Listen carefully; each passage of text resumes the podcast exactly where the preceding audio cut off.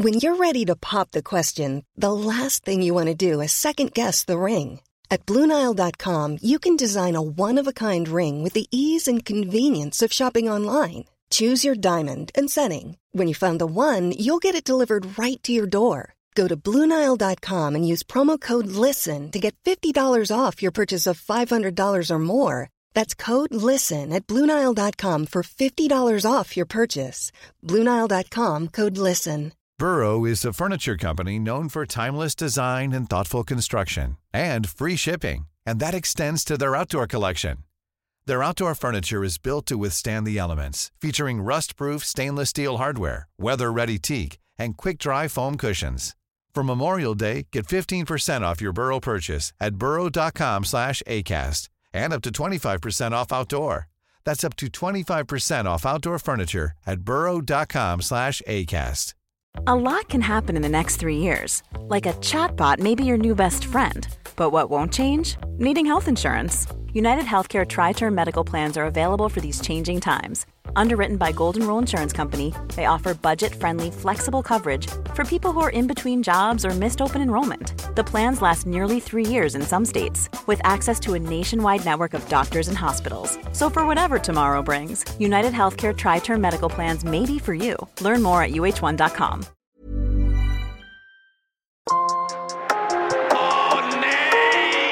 Skärpta straff för olaglig maskering. Läget är tufft. Det var en seger för Malmö FF, men en förlust för svensk fotboll. Sveriges damlandslag i fotboll är nu långt från nu krävs ett smärre mirakel. Det står fyra man ska konfrontera mig med frågor. Fy fan vad. Det är auf Wiedersehen till ett influsspelet i Tyskland.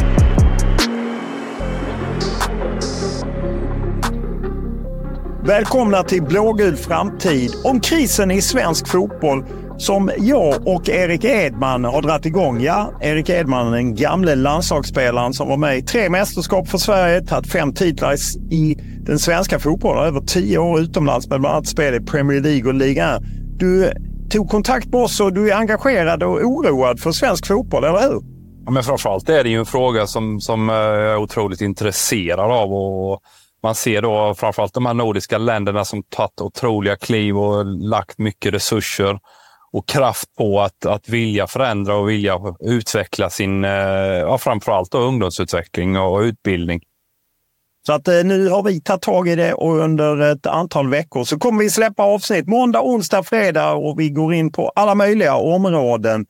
Första avsnittet handlar om svensk herrfotboll och eh, det har ju varit ja, mörk tid får man ju ändå säga. Alltså, smällen i Azerbajdzjan 120 rankat, slog Sverige med 3-0. Visst vann man mot Estland, men inget EM. Andra rakade, missade mästerskapet för herrlandslaget. Lite speltid för spelarna ute i Europa. Häcken enda lag som överlevde, men redan utslaget.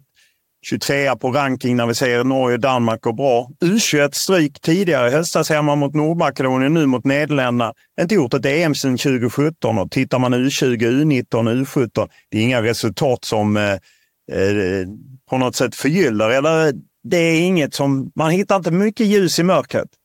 Nej, och det är ju det vi behöver skrapa lite grann på och, vända på varje sten vi kan här för att eh, se om vi kan vända den här utvecklingen och den trenden som känns väldigt oroväckande.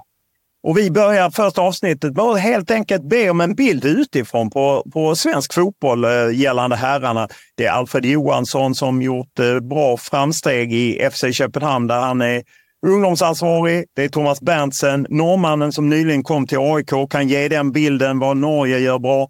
Och så är det Pelle Nilsson, gamle landslagsbacken som länge jobbade för RB Leipzig och nu är agent eh, som också har en bra koll på svensk fotboll. Så att, eh, det är bara att hänga med oss. Måndag, onsdag, fredag kommer det nya avsnitt.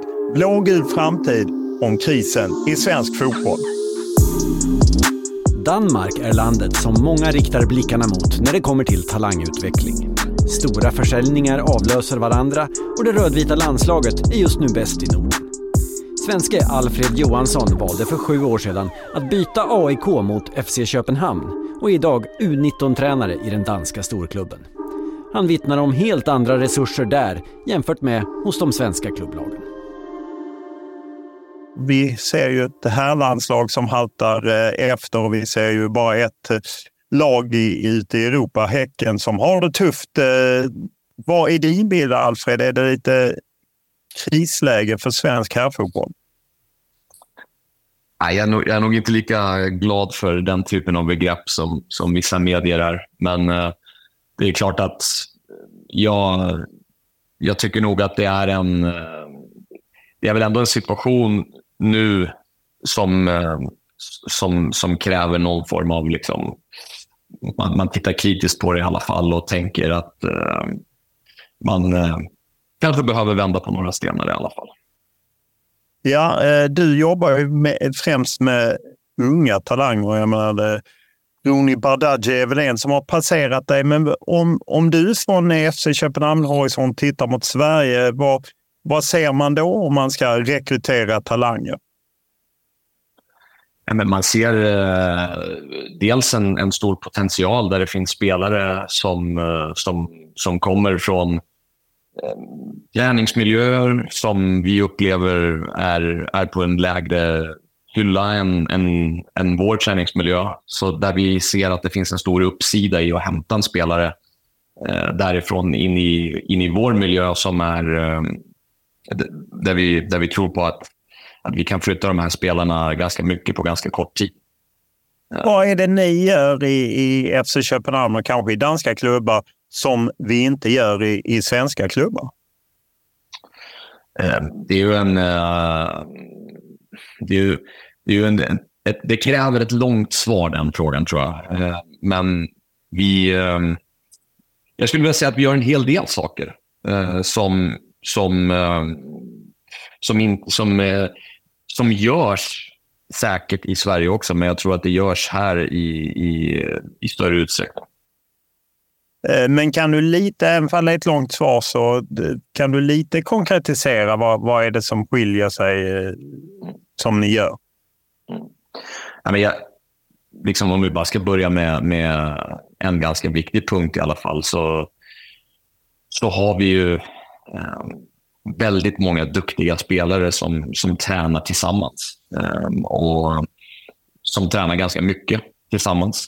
Eh, även från från tidig ålder. Eh, och det upplever jag är en, en, eh, en eh, skillnad där det pratas kanske mer om att man inte ska göra det i Sverige i, i hög utsträckning. Och, eh, har, varit så i ganska många år. Så kanske till och med i en tio års tid har den debatten eh, varit i, i Sverige. Medan här har jag, har jag i, i mina år jag har varit här upplevt att det snarare har varit en diskussion om hur man ska göra det på ett bra sätt istället för att man, man inte ska göra det. Um, så där tycker jag att har en ganska stor punkt. Träningsnivån på alltså nivåindelning, om vi ska kalla det det. Självklart också selektering en fråga där. Eh, och, och sen också träningsmängden såklart. Jag eh, var och besökte dig alltså här för det är snart två månader sedan. Jag upplevde ju utifrån i alla fall efter de diskussioner vi hade och även det när man ser eh, på det utifrån på FCK på utsidan, att det finns en röd tråd uppifrån och ner och framförallt en samsyn mellan de olika lagen. Kan du berätta lite grann om, om, om den eventuella samsynen och hur det fungerar i praktiken? Mm. Nej, men vi, vi har haft eh, i, i, så länge jag har varit i klubben, sedan 2015, att eh, alltså en, en, eh, så här tränar vi och så här spelar vi fotboll i, i FC Köpenhamn. I, i FCKs talentavdelning då, som, som akademin heter. Och, och den har snarare i vår klubb har det som har hänt är väl att det liksom har akademin och träningsmetoden och, och sättet att spela på har, har liksom präglat klubben uppåt snarare än att det har varit uppifrån och ner. Eh, och, och det, I praktiken idag så fungerar ju det som så att vi är indelade i block där U19A är ett block där vi har eh, kontinuerligt möten med varandra i, i, större grupp men också vardaglig kontakt mellan, eh, mellan eh, U19 och A-lagsstab i hur vi ska spela. Eh, och, och mm, från U17 och U14-blockets sida så, så finns det även en kontakt med, med U19A-laget, hur, hur vi spelar och, och, hur vi tränar och vad som är viktigt. Och, så att, eh, jag upplever att det är någonting som har byggts upp över lång tid och som bara har blivit starkare och starkare för varje år. Egentligen. Vad tror du det beror på att man inte har diskussioner i Danmark kring eh, selektering och, och liksom satsning som vi har i Sverige väldigt mycket? Ja, men den diskussionen finns. Um, däremot så upplever jag liksom att den är mer nyanserad här och att det är, finns en, ett större inflytande i ungdomsfotbollen från eh, elitklubbarna, om vi ska kalla dem det. Då. Eh, där agendan är inte bara, vad ska man säga, eh, på, på diskussionen. Så agendan styrs inte uteslutande av eh, den, alltså, eh, den stora massan av klubbar som finns där ute, utan utan att det, elitklubbarna har mycket att säga till om här i olika konstellationer i, i, eh, i, inom förbundet och så vidare. Som gör att det, jag upplever att det finns ett betydligt mer både och här än, än, än antingen eller. Eh, och I Sverige har jag upplevt att det har varit antingen eller i, i hög grad i, i lång tid i den här diskussionen. Medan jag upplever att här så, så är det ett både och. Alltså, vi vill att barnen ska de, de yngsta barnen ska må bra och ha bra träning, men vi tycker också samtidigt att 14-åringar ska ha en... Eh, de, de 14-åringarna som är längst fram och mest ambitiösa ska, ska kunna ha en, en, eh, en miljö som erbjuder dem utmaning och utveckling också. Så jag tycker att det finns ett, ett både och här på, på ett annat sätt. Eh, om man ser till att du säger att det finns uppsida att plocka en del spelare från Sverige. Vad är det de behöver lära sig och som är er uppsida där ni snabbt får eh, dem i, i fas? Ja, men bara det faktumet i att, att, att träna eh, Eh, flera gånger i veckan gör ju att spelarna över en, en period på några månader eh, blir, eh, ja, utvecklas av att träna mer. Det är en faktor. Sen också att i och med att, alltså nu, nu har vi kanske ett bra exempel här då från eh, nyligen en spelare, en, eh, spelare i, i eh, 2007-kullen som, vi, som kommer från en, en mindre klubb i, i, Stockholm som har kommit in i vår miljö. Och där går man ju också från... Eh, alltså träningsmiljön är ju, är ju åtminstone ett, ett par nivåer upp, skulle jag säga. Även om han har varit in, i en för honom bra miljö så är det klart att när han får sparra varje dag med, med Danmarks bästa spelare, med en en av Islands bästa spelare, en av Ungerns bästa spelare och, och så vidare. Så då är det klart att han behöver ju också göra saker och ting snabbare. Han behöver göra fler saker oftare och så vidare. Och Det utvecklar honom också. Ehm, och ehm, Han eh, får eh, möjligheten att och, och liksom kombinera i sista tredjedelen med några andra duktiga spelare. Så bollen kommer tillbaka, den dör inte när han passar till en lagkamrat och så vidare. Och så vidare. Så det, det liksom öppnas upp eh, fler, fler möjligheter för honom och han måste göra saker och ting snabbare. Och, så där, där finns det en tydlig uppsida i, i den träningsmiljön vi har. Hur eh, lätt är det att, eh, att sälja in FC Köpenhamn till svenska talanger? Vi noterade att Rooney Bardghji, som ju var i Blekinge och sen var något år i Malmö FF, sen gick han till er. Hur, hur medvetna är unga talanger om att de får bra eh, miljö i FC Köpenhamn och i Danmark?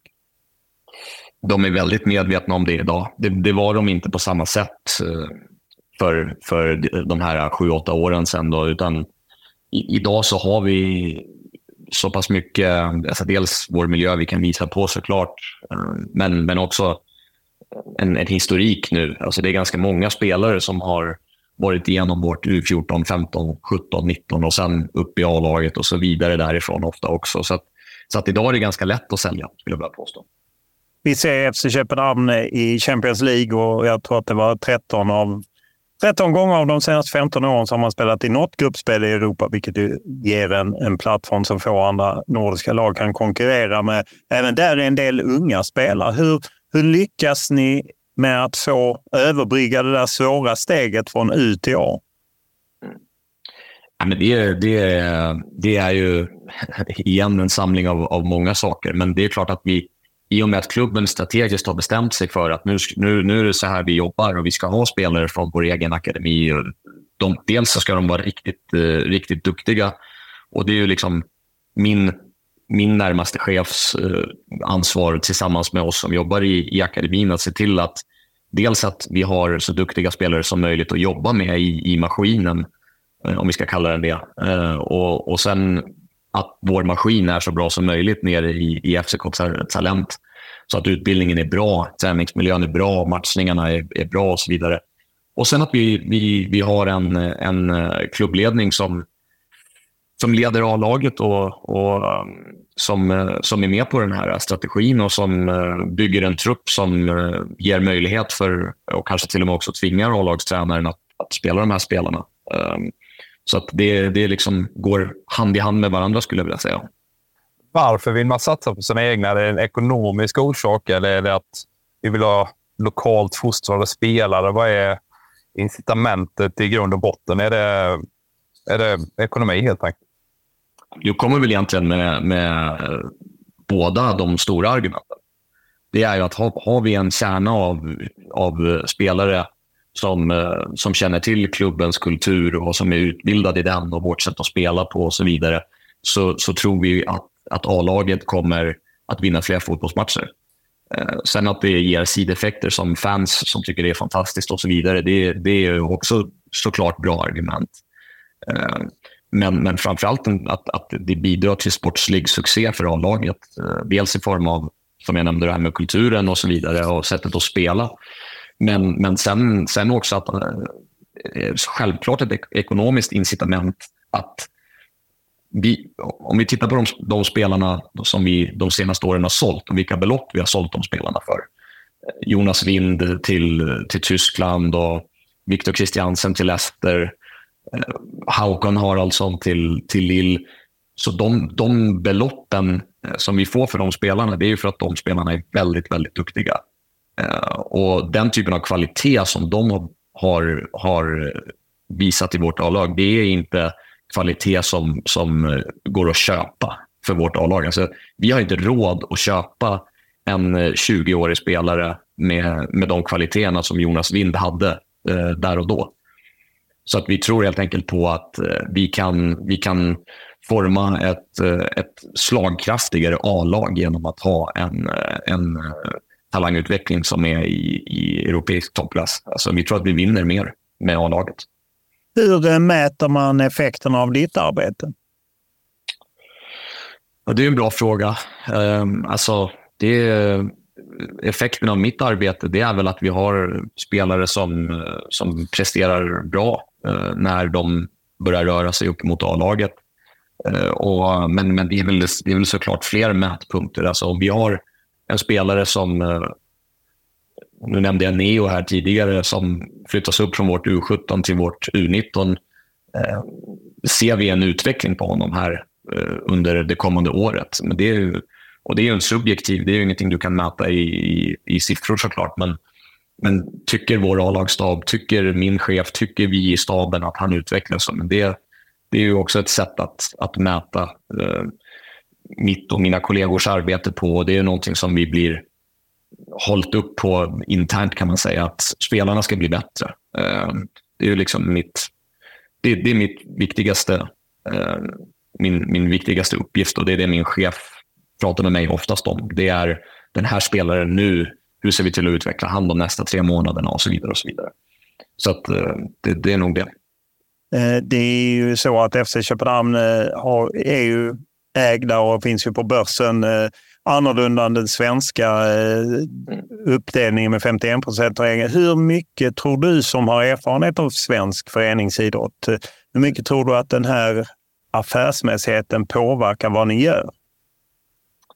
Jag tycker det där är jättesvårt att svara på. Jag, jag, har, jag har tänkt över det många gånger, det här med, med 51% regel. Eh, måste man ta bort den i Sverige för att liksom komma dit Eh, danska klubbar är.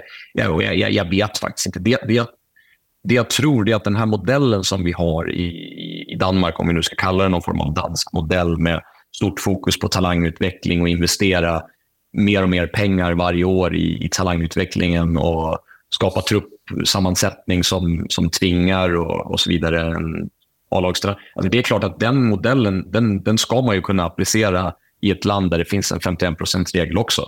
Det, det, allt annat verkar ju jättekorkat att, att påstå. Eh, sen, sen, så tror jag att den här, nu, nu, du kallade det affärsmässighet eller vad du kallade det. Att, att jag tror ju att när du har en, en ledning till exempel hos oss eller i Nordsjälland eller vad det nu kan vara, eller, eller i Mittjylland, så är det klart att man... Eh, om man, om man det,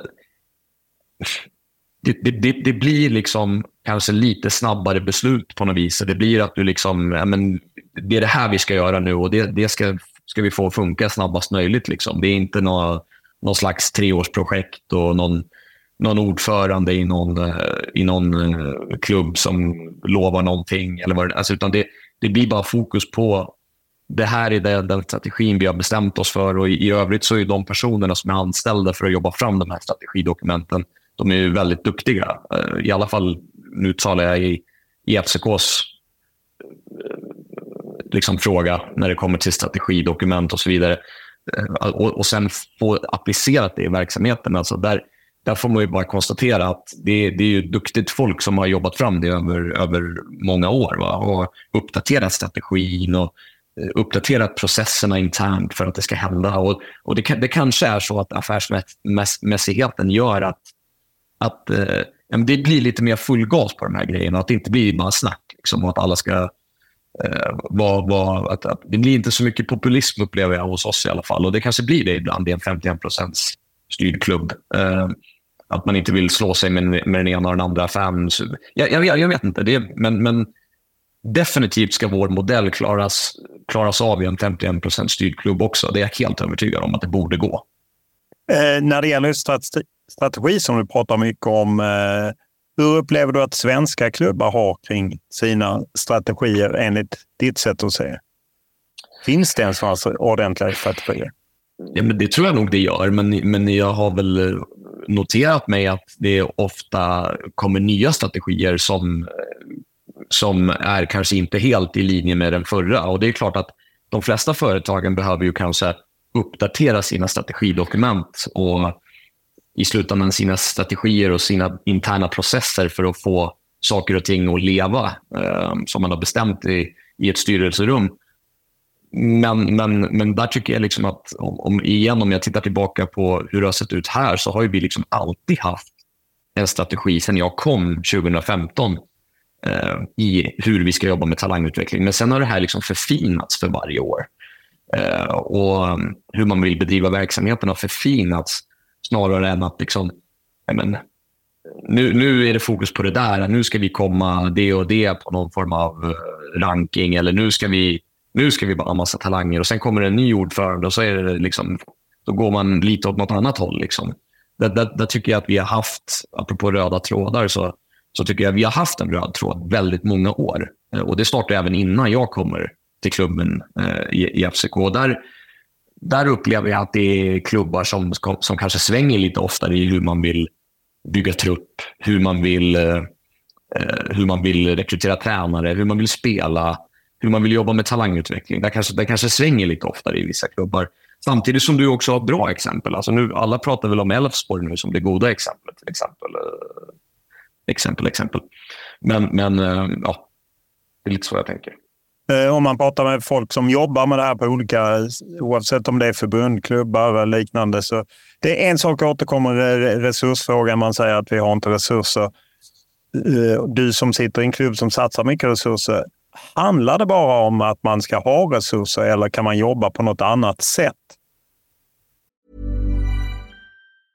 Ready to pop the question? The jewelers at BlueNile.com have got sparkle down to a science with beautiful lab-grown diamonds worthy of your most brilliant moments. Their lab-grown diamonds are independently graded and guaranteed identical to natural diamonds, and they're ready to ship to your door. Go to BlueNile.com and use promo code LISTEN to get $50 off your purchase of $500 or more. That's code LISTEN at BlueNile.com for $50 off. BlueNile.com code LISTEN. Quality sleep is essential. That's why the Sleep Number Smart Bed is designed for your ever evolving sleep needs. Need a bed that's firmer or softer on either side? Helps you sleep at a comfortable temperature? Sleep Number Smart Beds let you individualize your comfort so you sleep better together. JD Power ranks Sleep Number number 1 in customer satisfaction with mattresses purchased in-store. And now, save 50% on the Sleep Number limited edition Smart Bed for a limited time. For JD Power 2023 award information, visit jdpower.com/awards. Only at a Sleep Number store or sleepnumber.com.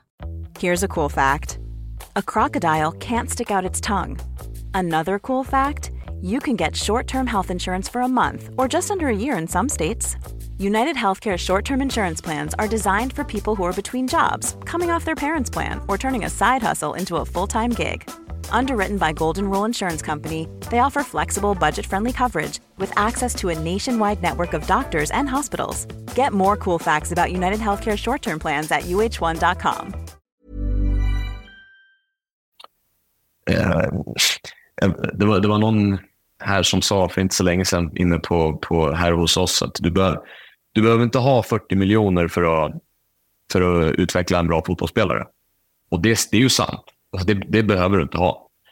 Eh, så, så, för att svara på din fråga, så det är ingen tvekan om att det, det, är ingen som ska komma och säga att bara för att du har massa pengar så kommer det bli bra.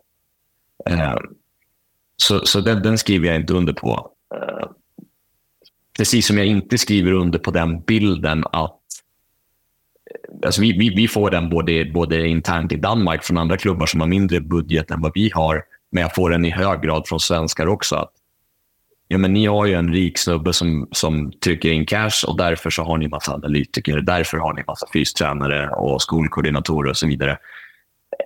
Och det, det, det, alltså det kan inte vara mindre sant. Alltså det kan inte vara längre från, från, eh, från verkligheten. Eh, utan det som jag tror på, det är att oavsett om vi pratar om talangutveckling, om vi pratar om fotboll eller om vi pratar om byggbranschen eller vad det är, så vill du, vill du utveckla en verksamhet så behöver du ha en idé att det här vill vi uppnå och vi ska göra det på det här sättet. Och Sen behöver du utveckla den idén över tid. Och För att kunna göra det så är det väl klart att du behöver investera resurser. Eh, oavsett om du vill eh, lägga mer eh, asfalt eh, för Skanska eller vad det är och du behöver fler anställda som kan göra det i takt med att, att eh, byggföretaget utvecklar sig eller vad det nu kan vara, så, så är det klart att du behöver investera resurser. Och det, är klart att det blir en ekonomifråga där. Men före det så kommer det liksom en, en metodik och, och, processer internt för hur du jobbar och, och så vidare. Och Du kan ha en jättebra träningsmetodik eh, utan 40 miljoner kronor, eh, eller vad det nu är. Men, men, men vi har haft en liten budget när vi startade. I, för, för över tio år sedan när den här akademin startade upp, det är snart det är 15 år sedan, så, så, hade, så hade klubben en liten budget. Och sen har den successivt ökat över tid för klubben har valt att utveckla verksamheten. Så att det här är någonting som vi har skapat själva. Alla vi som jobbar här, alla som har jobbat här, alla spelare, den, den, den resursfördelen som vi har idag, det har inte med någon ägare att göra. Utan det är, det är modellen som vi, har, som vi har stärkt över tid. Eh, om man ser till eh, ja, svensk herrfotboll, både landslag och klubblag, vad, vad skulle för dig vara tre nycklar eller åtgärder som man skulle ta sig an för att försöka höja nivån? Nej, men jag, jag, jag tror att en, en sak som är ganska viktig för mig det är att, eh, som sagt, jag upplevde liksom under, under har upplevt under, under i alla fall tio års tid i, i, i den svenska, om vi ska kalla den det, den svenska debatten för ungdomsfotboll och hur mycket man ska träna och när man ska välja och så vidare. Och att det är debutåldern är genomsnitt 22 år i allsvenskan och så vidare är argument som jag har hört tidigare. Och Den siffran kanske har, kanske har uppdaterats, det vet jag inte. Men men liksom hela debatten har gått på att vi behöver inte ha bråttom eh, med att utveckla spelare. Och vi behöver inte eh, ha jättebra träning tidigt och, och så vidare. Även det, det, det, det, det säger ju inte folk. Men alltså, helt, det har liksom blivit en, en snack om att vi, kan, vi, vi behöver inte ha bråttom. Och, och, och, och, det har liksom skapat någon slags eh, passivitet, upplever jag i, i, i utvecklingen av, av unga spelare och att eh, en spelare behöver kanske inte utveckla sig nu. Man, man ger han väldigt, väldigt mycket tid och så vidare. Men medan här är ju, alltså, debutåldern i Champions League, den sjunker ju. Den har sjunkit i hur många år som helst. Och, och, och den är ju långt under 20 nu. eh, snittåldern för debut i Champions League. Eh, och det går bara åt det hållet. Eh, och, och, så jag tror att vi, vi, det, det Sverige behöver göra det är att se till att från det att det kommer in kids i, i, eh, i fotbollsskolan när man är sex år eller vad man är, till det att man är, eh, eh, jag skulle vilja säga 16 år, så behöver man se till att det är en superbra utbildning. Alltså det, och, och, och den måste, som vi kallar det här inne, vara åldersrelaterad. Så att det bästa, den bästa spelarutbildningen för en 15-åring är inte densamma som, som... Du ska inte göra på samma sätt med en 9-åring. Eh, och, och, där behöver man bli, bli... Man behöver bestämma sig för hur man vill göra det. Och, och så behöver man göra det på ett bra sätt. Och där tror jag att man behöver eh, man behöver, man behöver spetsa till utbildningen på, på alla sätt och vis. Och det handlar inte bara om selektering. Eh, selektering är en av delarna, definitivt.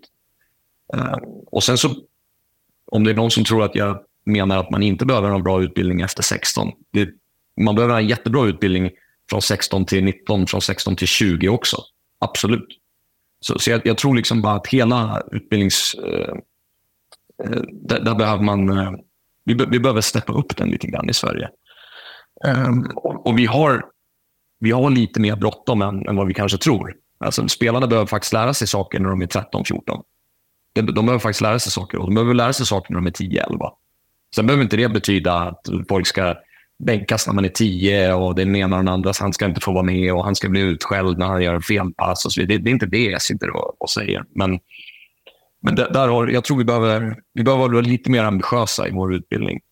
Um, bara jag skjuter in där, Albert. Är det en resursfråga du pratar om där då? Eller är det ja, generell utbildning på ungdomsledare som är bristfällig i Sverige? Jag tycker att det är, det, det är synen på, på utveckling för barn och ungdomar. Jag tycker att vi behöver hjälpa dem mer. Um, och, och det, så det, det, är synen jag pratar om här. Att vi, eh, vi behöver se till att nioåringar får bra, får bra fotbollsträning. Eh, och vi behöver eh, se till att vi, vi, vi, behöver ha, vi, vi, behöver, vi, vi, får inte vara rädda för att nivå en del på träningarna när de, när de kommer över tioårsåldern. Eh, vi, vi, vi behöver se till att, eh, att matchningen är bättre. Och Det är både i träning och, och i match. Eh, så så, så det, det är några viktiga bitar. Definitivt. Ja, de kommer ikapp Danmark? Det är klart det gör det. Alltså Danmark var ju inte bra för 20-30 år sedan. På, på samma sätt som, som, som Sverige kanske har det lite tuffare just nu. Så att, eh, och all, all, jag vet inte, det var tio år sedan pratade alla om, alla om Belgien eh, och om Tyskland. Men tyskarna de kommer till oss nu. Alltså De stora tyska klubbarna kommer till oss och tittar vad vi gör. Eh, så att allt går i cykler. Så Danmark har ju en stor utmaning också i att okej, okay, hur, hur ska vi konsolidera det här? Hur ser vi till att vi är bra om, om 20 år också, om 10 år också? Um, så att, så att eh, men, men, men det jag inte stödjer det är liksom det här att allt går i cykler per automatik och man behöver inte göra någonting för saker och ting kommer utvecklas av sig självt. Alltså jag tror att eh, man, vi, vi, behöver i, i, när det gäller svensk ungdomsfotboll så behöver vi steppa upp eh, utbildningen, vi behöver steppa upp miljöerna. Alltså det, är, det är jag helt säker på. Jag tänker på det här, jag menar Danmark är ett relativt kompakt och litet land. Eh, mycket centrerat och koncentrerat runt Köpenhamn. Sverige är ett stort och avlångt land och om vi tar U19-serien i Sverige så, så är det ju mer eller mindre SM i bussåkning för mm. många av de här killarna. Medan ni har eh, ibland en halvtimme. Nu har ni Randers i helgen till exempel. Lite längre bortamatch, men det är ändå relativt korta resor och mer centrerade. Du pratar mycket om det här att man tävlar och tränar med de bästa hela tiden. Hur kan vi nå mm. dit då, i svensk kontext? Ja, men vi måste göra samma sak och så måste vi vara beredda att åka de där timmarna i buss. Vi måste vara beredda att åka de där timmarna i tåg, flyg, övernattning som, som, som fotbollsland. Och då, jag pratar inte om de mindre klubbarna, utan jag pratar om elitklubbarna eh, där de bästa spelarna förhoppningsvis är i de, i de äldsta ålderskullarna. Eh, U17 och U19 åtminstone. Eh, och, alltså nu nämnde du själv Randers. Det, det, det är inte längre än Stockholm, Sundsvall eller, eller vad, det nu, vad det nu är. Eh, vi ska till Ålborg här eh, alldeles strax. Det är, det är nästan sex timmar i buss. Det är ungefär eh, Stockholm, Stockholm, Malmö, Stockholm, Göteborg. Eh, och vi, vi, vet, alltså vi, vi har ju nära till Brönnby och vi har nära till Lyngby, absolut. Men vi har, vi har alltså de flesta klubbarna i, i Jylland, när vi ska till, när vi ska till Århus, Randers, Silkeborg, Esbjerg. Alltså det är fyra timmar som minimum oavsett vilken av dem vi ska till. Så, att, så att, ehm, det, det tycker jag inte är en ursäkt helt enkelt för att se till att det är bra matchning i, i, i Sverige. Norge har, precis som Danmark, gått om Sverige vad gäller speltid för spelare i Europas högst rankade ligor. Och i Erling Haaland och Martin Ödegård har de världsstjärnor som Sverige inte är i närheten av just nu. Thomas Berntsen har nyligen lämnat just Norge för jobbet som sportchef i AIK. Han arbetade tio år som sportchef i Sarpsborg innan det och berättar här vilka satsningar som gjorts i vårt västra grannland. Vad är din bild som ju varit eh, ett halvår i, i eh, svensk fotboll nu? Är svensk herrfotboll i kris eller hur är läget? Nej, det, det, det tror jag inte de är, men eh, Eh, som jag har sagt hela tiden, jag syns att eh, svenska fotbollsspelare har gett ett väldigt bra intryck i förhållande till den, den individuella tekniska färdigheten. De, jag syns de har ett eh, väldigt bra eh, taktisk eh, nivå också, men men som jag också har uttryckt ganska eh, ettertrykkelig, är att jag, jag syns ju att tempo och intensiteten i kamperna här är, är ganska mycket lavere än det jag är vant till där jag kommer ifrån. Så, så eh, på det området syns jag eh, svensk fotboll hänger en, en del, et godt stycke efter, men på de andra parametrarna syns jag det är et väldigt bra nivå här. Eh, konkret handlar det om att svenska spelare i Sverige tränar för lite? Mm, Nej, om de tränar för lite är jag lite osäker på. Jag känner ju inte till så vad de flesta klubbarna gör, men det, det jag ser är ju att det, det, det, är lite fokus på transitionsspel, alltså övergångsspel, tempoet i den fasen av spelet. Nu är det två lag som är i toppen av tabellen, Häcken och, og Elfsborg, som är eh, de bästa på det. og så, Sånn sätt så har de adaptert den delen av, av, av spelet, men eh, men eh, ja, ja, om det kanske kan tränas med ända större intensitet, intensitet det tror jag nog. Eh, om man ser till eh, när du kom från eh, Norge där du varit sportchef bland annat i Sarpsborg. Vad var det som överraskade dig mest när du kom till svensk klubbfotboll? Nej, det er mye som, har, som jeg sa, som har imponert meg når jeg kom til eh, svensk fotball. Ikke minst det kommersielle. altså Jeg må alltid ta med det. altså det er jo en fantastisk oppmerksomhet rundt, eh, rundt ligaen her. Og det er jo fantastisk stemning på de fleste kampene her også, Så det er vel det som, om inte har överraskat mig, men som har bare bekräftat det intryck jag hade utifrån, att det kommersiella produktet är fantastisk. Det, det er det. Og så eh, har jag låtit mig imponera över de individuella färdigheterna til spelarna, det har jag. Og, men som jag var inne på, altså, jag tror vi har en del på att utfordre eh, de etablerade sannhetene som har varit, eh, efter vad jag fått intryck av, vad jag har blivit fortalt, at eh, det har väl trent med en litt gammeldags ukesyklus, dvs. Si at man hviler eller bruker lang tid på å restituere, man bruker lang tid på inngangene til kamp. Mens den moderne måten å tenke på nå er å, er å, å minimere disse periodene her og, og, trene mye hardere i løpet av treningsuka enn det man spiller i helgene. Så trenger man ikke å ta så veldig mye hensyn til kampene. Altså det er, eh, man må være såpass godt trent at man ikke trenger å, at de, den kampen på søndag vil prege for mye av uken sin. Så, så jeg tror man har en del å, å, å lære eh, uh, av C til Norge på det området. Finns det, finns det en risk med att vi har lurat oss själva att nivån på vår fotboll är högre på grund av ett matcharrangemang som, som eh, doftar internationell fotboll?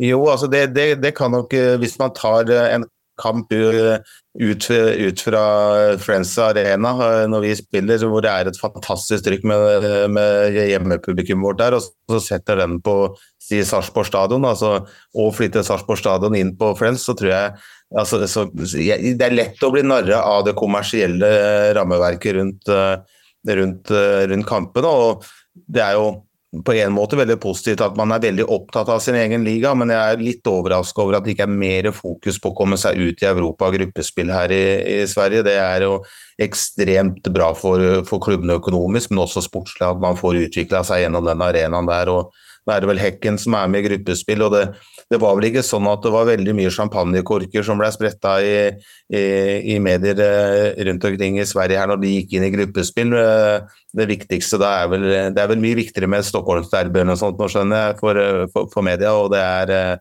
det er viktig at svensk fotball omfavner europacupspill i enda større grad. I, I, Norge så legges det meste til rette for at vi skal få flest mulig lag inn i, inn i europacupgruppespill. Upplever du att eh, svenska klubbar och kanske intresseorganisationer inte heller är fokuserade på att nå långt i Europa som man är då kanske i, i både Norge och Danmark? Nej, jeg, jeg vil si at vi er ekstremt opptatt av det i Norge. Altså, vi er ekstremt opptatt av det, og så er man selvfølgelig opptatt av det i Sverige også, men det kan hende at det kommer noe i skyggen av det fantastiske kommersielle produktet man har på hjemmebane. Da. At det er viktig å fylle restaurant, det er viktig å, altså, og, og Lokaloppgjørene som det er masse av her i svenske ligaen, dem er ekstremt viktige for supporterne våre, og det skal vi selvfølgelig ta veldig hensyn til. Uh, og da kanskje europacupsatsingen kommer noe i, i, i, skyggen av det. Også, I Norge så legges mye av seriefotballen eh, i løpet av sommeren opp rundt rundt de lagene som skal kvalifisere til eh, Europa. Så det er eh, De siste fire-fem årene nå så har eh, de som er i Europa kvalifisering har veldig gunstige rammebetingelser for å kunne matche seg inn og ha, ha tilstrekkelig med hvile osv. inn i kvalifiseringsspillet. Så, så, det legges veldig godt til rette i, i Norge for det. og så vel, har vi ikke kommet helt der enda i Sverige, men jeg vet jo at vi, at vi er på vei der også. Så jeg, jeg, tror nok det bare er et tidsspørsmål før vi får enda flere lag inn i Europa her også. Är du lite artig också mot svensk fotboll när du säger att det inte är kris? Jag menar, vi har ett herrlandslag som nu missar två mästerskap i rad och på klubbnivå ute i Europa så är ju allsvenskan på 23 plats. Norge och Danmark är 14-15 på väg att få två Champions League-platser. Sverige är ju ändå ett land som har dubbelt så många invånare och borde ju kunna dominera mot sina grannar som Danmark och Norge. Ja, så er det med sånne som for øvrig livet. Altså, livet går i sykluser, det er, eh, ting går opp og ned. Altså, vi har sittet og vært ekstremt uh, imponert over hva Sverige har fått til de siste 20 årene med landslaget sitt. Altså, vi, har, altså, vi, altså, vi har ikke vært i nærheten av et mesterskap engang på 20 år, så vi skal ikke være så veldig høye på oss selv i, i, i Norge. Altså, de, det svenske landslaget har vært helt fantastisk. og og vi har jo sett på hva Malmö har fått til, spesielt i Europa, i, i en lang periode også. Så, så det, ting går opp og ned. Akkurat nå så er det litt nede i, i svensk fotball. Og, og, så er det viktig å er, erkjenne det og, og ta tak. Altså jeg, min personlige mening er at, at det, vi ser jo det på Norge også. Vi, vi har fantastisk spillemateriale. Vi har, vi har Erling Braut Haaland som er blant verdens beste spillere. Vi har Martin Ødegaard som, som er kaptein på Arsenal. Sørloth som er stjerne i La Liga. Altså, før så kommer vi ikke til mesterskap. Det er så ekstremt høyt det nivået som er internasjonalt for å, for, for å være med her oppe. Så at det svenske og norske lag har vært veldig flinke til, det er å finne sitt eget konsept. Ikke tilpasse seg enkeltspillere, men finne sitt eget konsept som gjør at vi kan med styrken av, av laget utradere styrken av enkeltspillerne i de store nasjonene. Så, så det tror jeg er viktig for Sverige nå, at man ikke styrer seg veldig ut ifra hva enkeltspilleren ønsker, eh, men hva nasjon og hva, hva, man kan konkurrere mot de beste lagene på. Det tror jeg er veldig viktig. og Vi, vi har vært i en periode på nesten 20 år i Norge nå hvor vi har, vi har vært ikke bestemt i forhold til den retningen vi, vi, ønsker å gå. Og Nå begynner vi å se en lysning på landslaget, og vi får håpe at vi i neste mesterskap er å finne der. Eh, om man ser til svensk fotball, så iblant så känns det inte som att man kanske samarbetar så mycket, klubbar, intresseorganisation, förbund. Hur är det, vad är din bild efter att ha varit här ett halvår? Är, samarbetar ni bättre i Norge än i, i Sverige?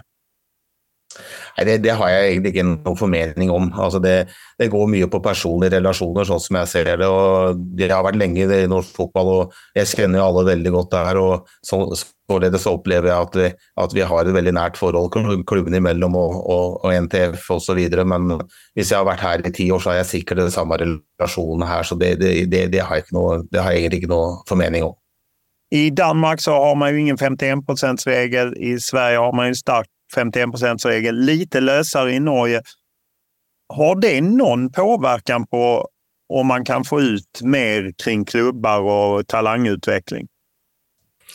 Lite usikker. Du kan jo spørre dem som sitter i Esbjerg nå, på nivå tre i, i Danmark, etter å ha hatt utländska utenlandske eh, eiere att fra å være en storklubb. Det er, det er gode historier fra Danmark, og det er dårlige historier fra Danmark. og det er det, det, og jeg tror det er eh, litt i forhold til geografi, demografi osv. Så, videre, så, så det er et veldig vanskelig, et veldig vanskelig spørsmål å, å, svare på, egentlig. Det er eh, det kommersielle produktet her i Sverige, altså det skal man være veldig forsiktig å røre noe med i, i det hele tatt. Men ja, det, det finnes sikkert kanskje en, en mellomting, jeg vet ikke. Du pratar om uh, att träna i en högre intensitet så att vi kan använda det i matcherna. Eh, vad det gäller egenskaper hos spelarna, är det just intensiteten som, som du känner också? Svensk intens matchintensitet är för låg för att kunna konkurrera internationellt. Är det också där den stora, liksom, stora problematiken ligger med våra svenska spelare när de kommer ut i Europa, att de inte de är redo? Eller finns det andra egenskaper du känner, fastän det här måste svenska spelare eh, anamma mycket snabbare för att kunna konkurrera internationellt? Det, altså det, det, altså jeg ser, det, er jo mange spillere fra Sverige som, som lykkes veldig godt uh, internasjonalt. og Det er jo det mange spillere som spiller på, på, på gode lag, så, så, jeg tror ikke man skal uh, jeg tror ikke man skal eh, være så veldig eh, sjølkritisk i Sverige her eh, som det, man, det, som, det, som det, man, ønsker å være, men, men, jeg tror man er nødt til å Jeg får et inntrykk av at alle, alle bruker den generaliseringa per heien. Altså, i, altså det å hvile og være fresh, fresh inn til kamper osv. Ja, det passer antageligvis inn på Real Madrid, som spiller 75-80 obligatoriske kamper. De spillerne som spiller der på et mye høyere nivå enn det vi gjør. Men altså, vi, skal vi ta igjen noen folk, om det er i Norge eller Sverige eller hvor det er, så er vi nødt til antageligvis å gjøre noe bedre enn motstanderne våre. Vi er eh, og da er det det å være, ta risiko, det å tørre å utfordre etablerte sannheter, som, eh, som man har gjort i Norge. Altså I Norge så trener mange av klubbene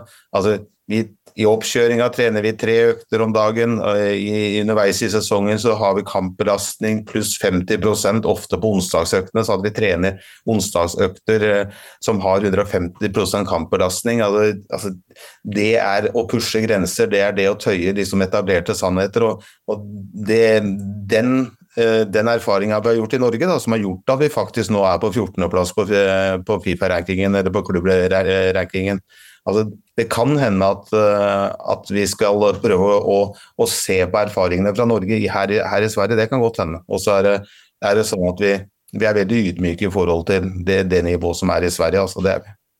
Men då behöver man med andra ord behöver man gå ner i åldrarna också. Att man behöver ha yngre medelålder på truppen för att kunna orka träna mer. Vi har ett exempel förra året, Thomas, från, från Malmö FF, efter Milos Milojevic kom in. Skulle träna stenhårt med en ålderstigen trupp där mer eller mindre halva laget gick sönder. Eh, så vi behöver således eh, gå ner i åldrarna, alltså ha en yngre medelålder på trupperna i svensk fotboll. Ja, i hvert fall ha spillere som tåler å trene enda, enda mer med høyere intensitet. Altså, det, er jo, det, er jo, det, er jo, voksne spillere som tåler det. Altså, det, er, det, det spørs altså, hvordan bakgrunn man har for, eh, gjennom karrieren sin, alltså hvor skadeutsatt man har, har vært osv. Men, men eh, jeg tror det er i hvert fall viktig for den yngre generasjonen. Altså det, vi, det vi vet med helt sikkerhet, er at om fem år så kommer det til å løpes enda fortere og enda mer fort i, i, fotballen enn det det gjøres nå. Altså, lagene kommer til å være mer kompakte, de kommer til å flytte seg samtidig. altså Dekke mer av banen selv om de er mer kompakte. Altså, det, går fortere. Og, og det, så jeg tror det er, det er, ekstremt viktig å bygge muskulatur som, som tåler å, å, starte og stoppe mye og løpe mye fortere. Det, eh, nå prater jeg veldig mye om det fysiske aspektet av spillet, det er selvfølgelig mange andre aspekter, men man kommer ingen vei hvis man ikke har evne til å løpe mye og fort i framtidens fotball. Vilka spelmässiga skillnader ser du mellom Sverige og Norge? Jeg var litt inne på det i stad. Altså den største eh, Jeg syns Sverige har en, en, en, en, enda høyere taktisk eh, ta, en, enda mer komplisert og bedre taktisk inngang på, eh, på matchene.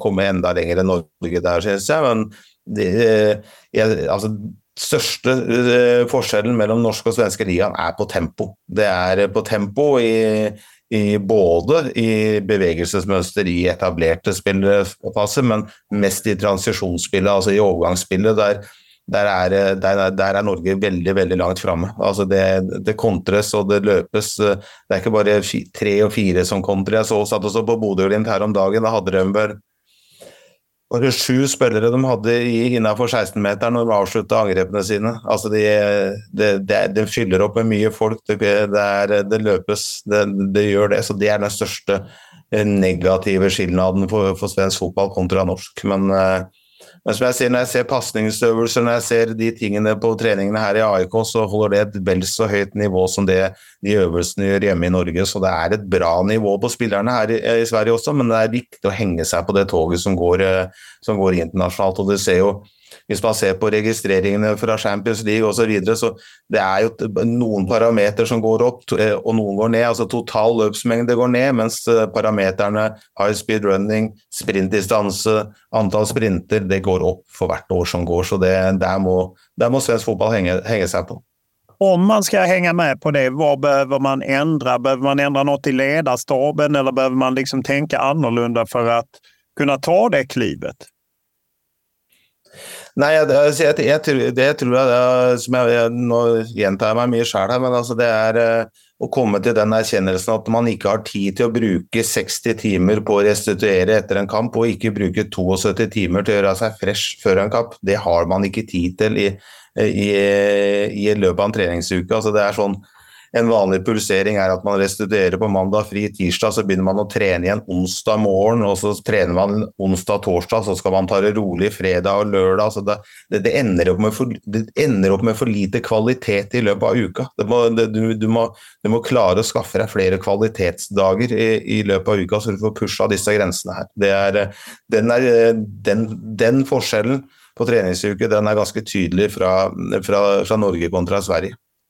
När du som sportchef i Sarpsborg scoutade svenska spelare, var det då att du var väldigt nöjd med hur de var taktiskt, tekniskt utbildade men att ni behövde trimma upp dem eh, fysiskt bara för att få dem i slag?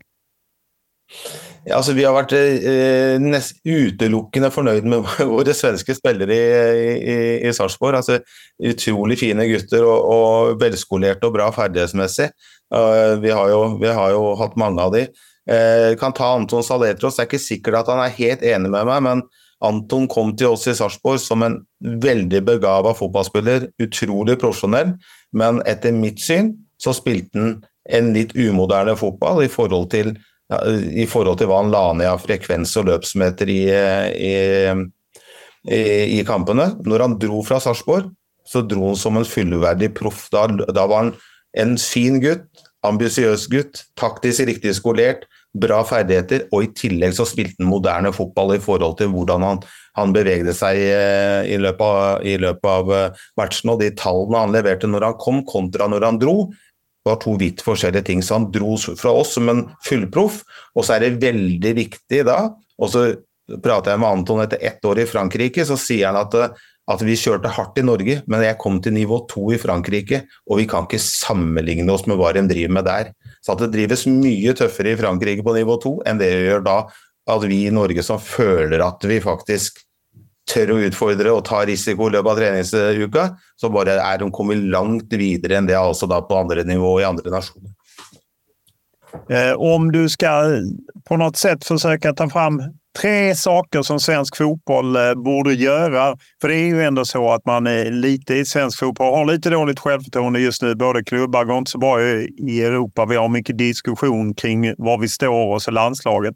Vad skulle tre saker vara för dig som hade kunnat lyfta svensk herrfotboll? Nei, altså Det første jeg vil si, er at man ikke må se så veldig ned på seg sjøl som man gjør. Altså, det, det, altså Svenske bolleidrottere er veldig bra på ferdighet og på tang. Altså, det, dere har mye eh, Sverige har, altså, ikke, ikke grav seg veldig langt ned, altså ikke gjør det, men jeg tror det er viktig å erkjenne at man akkurat hadde den rankingen som foreligger der, ja, den kan være litt litt eh, farga av litt tilfeldigheter osv. Men PT nå så er det, er det den svakeste ligaen i, i, Norden. PT nå. Å erkjenne det og gjøre noe med det, det, altså det tror jeg er det viktigste. Det kommer ikke til å, å gå av seg sjæl. Det gjør det ikke. Så, så henge seg på det toget som, som går andre steder, og, og, og, og gjerne da høste erfaringer fra hvordan, hvordan Norge har klart å snu, eh, snu dette her. Det, det, det, tror jeg er viktig.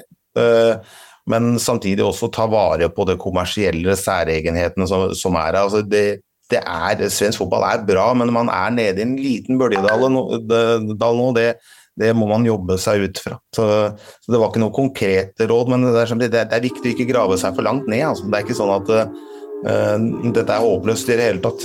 Snarere tvert imot. Den tidigare landslagsbacken Per Nilsson har proffsmeriter från Tyskland, Norge och Danmark. Efter spelarkarriären har han varit assisterande sportchef till Ralf Rangnick i tyska RB Leipzig och där fått god kännedom om Red Bulls satsning på spelarutveckling, både i Leipzig och Salzburg. Numera är Nilsson agent och i den rollen ser han hur utländska klubbar ser på svenska spelare. Vad är din bild av svensk herrfotboll eh, i det här läget? Är det kris eller är det lugnt?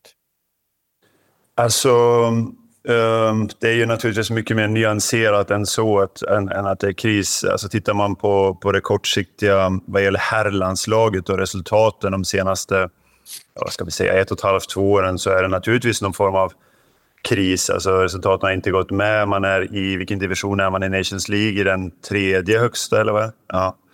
Och, och, och, har ju i, i det här kvalsammanhanget, tror jag, um, haft något av de sämre resultaten genom alla tider vad gäller poängmässigt.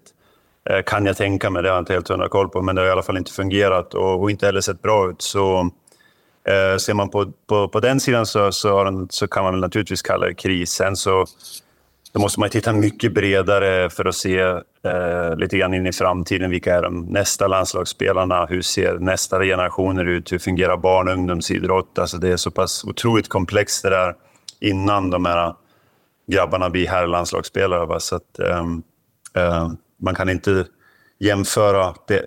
Man, eh, man, kan inte jämföra den, den så att säga aktuella, inom parentes, krisen i svenska herrlandslaget med hur svensk fotboll generellt ser ut. Eh, vi är ju intresserade. Vi kollar ju på svensk fotboll eh, nu i en poddserie ur många olika vinklar. Men du är ju med i detta avsnittet lite för att man vill ha en bild. Hur ser man på svenska spelare utomlands? Eh, du har ju ett unikt eh, erfarenhet, både liksom jobbat med rekrytering av spelare till, till en klubb och nu jobbar du som eh, i ett agentföretag. Vad är bilden utomlands av svenska herrspelare? Nej, man kan väl säga så här att bredden eh, ser inte speciellt bra ut. Och det, det har väl nästan varit en, ett genomgående tema när jag eh, har varit nere i och jobbat för Leipzig också, där man naturligtvis tittar på internationella kommande um, spelare, toppspelare, talanger och så vidare. Så bredden, svenska, intressanta uh, spelare uh, har inte funnits och, och, finns inte idag heller. Alltså, ett, enkelt, ett enkelt sätt att recensera är att gå in och kolla eh, transfermarkt och jämföra för exempel de skandinaviska länderna. Och tittar du där på, på Sverige, Danmark och Norge så, så, så kan man väl säga så här att A-landslagen i sig skulle man spela mot varandra för en match, två matcher man skulle bli rätt jämnt, även om jag tycker naturligtvis att det danska landslaget eh, skulle vara klara favoriter. Men ser du på B och C och ett eventuellt D-landslag så, så, så, är, så är Danmark absolut i topp. Uh, absolut mest intressant, absolut otroligt, uh, alltså många duktiga U23-spelare uh, som, som, som kan då vara aktuella för, för internationell fotboll. Så just bredden duktiga och, och, även då i spetsen på, i ungdom duktiga spelare har inte funnits de senaste åren allt för många. Hur långt behöver du gå tillbaka för att hitta en jämvikt mellan Danmark och Sverige, skulle du säga? Eller har den aldrig det, funnits? Bah, det är jättesvårt att svara på. Den analysen har jag inte gjort. Utan jag kan ju bara utgå ut efter eh, vad ska jag säga, den tiden jag började jobba för Leipzig här, uh, ungefär sex, uh, mellan sex och sju år sedan.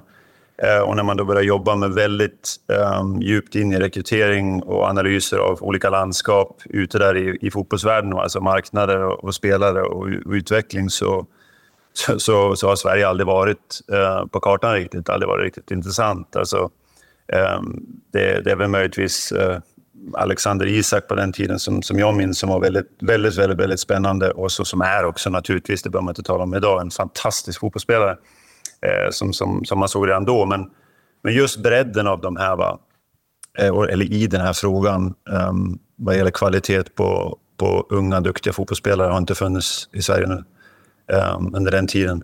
Och ska jag då gå tillbaks, det blir väldigt svårt för mig i och med att den analysen har jag inte gjort. Eh, och då spelade man själv, så då var man mer upptagen med, eh, med, med vad man själv gjorde. när, ni, när man scoutar i, i Sverige eller agenter tittar, vad är det Förutom att det liksom inte finns så många spelare att välja på, vad, vad är det mer som man känner brister på svenska spelare? Vad är det som gör att B och C-landslagets uppsättning inte är så intressanta? Alltså, ofta, återigen, det här, den här frågan blir, eh, måste man nyansera lite grann. Alltså, det, det, går inte bara att säga, peka på en sak. Alltså, jag brukar alltid säga att bredden fostrar alltid eliten, det kommer alltid göra. Och bredden för mig är liksom de här grabbarna som växer upp, då, för exempel i Danmark, eh, som jag har sett lite på plats, eh, som jag tror också är en skillnad gentemot Sverige, finns det en klart bättre infrastruktur i närheten vad gäller sport och, och rörelse och idrott och kvalitativt. Eh, eh, av, av allt det här, kvalitativt av allt det här. Och, eh, och då blir det ju nämligen så att du har större möjlighet att både kognitivt, eh, fysiskt och teknomotoriskt och allt vad det innebär få rätt många duktiga eh, talanger på fotbollsplan också. Eh, och så sen då så, så kommer de in i elitverksamheter eh, där för mig eliten eh, ska bara egentligen stå för övergången från junior till senior. Alltså I den bästa av världar för mig så kan bredden få vara enormt eh, subventionerad med otroligt många duktiga tränare och många närheten till, till fotboll och idrott. och Föräldrar behöver inte flytta sina barn och köra dem en timme till höger och vänster, utan det finns på plats. Va?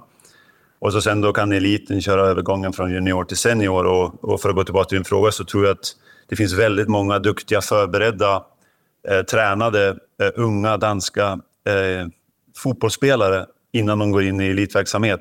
Sen kan de ha växt upp i en elitverksamhet också. Alltså det, det, jag menar, bor i närheten till till exempel bor i Köpenhamnsområdet så har du ju jättenära till elitklubbarna. Du har ju liksom Lyngby, Nordkällan, FCK, Bröndby, Eh, vem är det jag glömmer nu? Eh, och, så, att, så, att, så kan det naturligtvis också vara. Alltså det, det jag menar bara att eh, bor du till exempel i Sverige och vi tittar på Sverige som, som land så, Eh, så finns så Sverige större så sett eh, och det finns säkert väldigt många områden där du inte kommer lätt och bra till idrott och fotboll. Va? Det är det som ofta fostrar eh, duktiga idrottare och, och, i det här fallet och fotbollsspelare.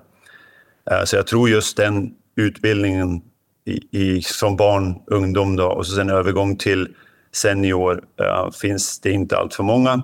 Och sen tror jag att, eller är övertygad också om att ser man till framförallt Danmark och klubbar va, så har de lyckats nischa sig mycket mer. Alltså ta för exempel eh, Nordsjälland som, som naturligtvis har sin fördel via Right to Dream.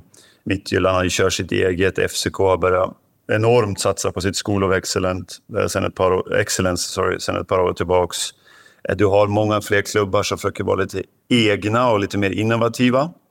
Där tror jag också elitverksamheten i svensk fotboll Eh, vad det gäller både allsvenskan och superettan ser väldigt mycket likadant ut och som man har gjort de senaste åren. Um, och så, precis.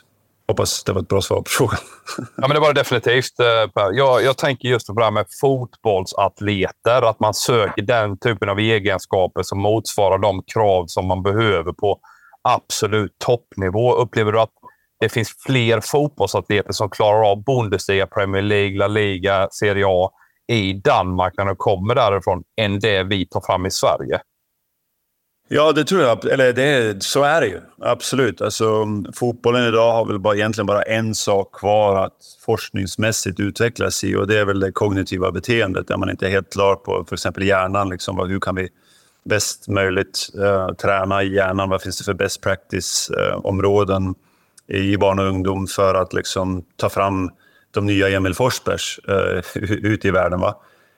Um, sen är det ju fysiskt och, och, och, på den biten så har man... Eh, det, det, det där får du folk eh, så långt du bara kan få dem egentligen liksom med, med rätt typ av träning. Och, um, um, fotbollsatleter i sig då, när det gäller din fråga, 100 procent så, så, så, saknas det uh, både i bredd och spets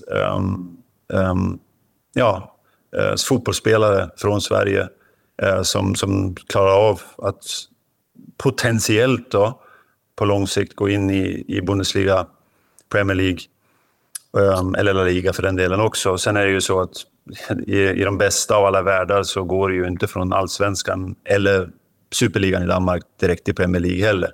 Allt som oftast. Du tar ju Ehm, um, sådana vägar som för exempel, vi tar det absolut bästa exemplet nu, Håland har gjort det. Han har fått speltid i tidig ålder i sin närhet i Molde.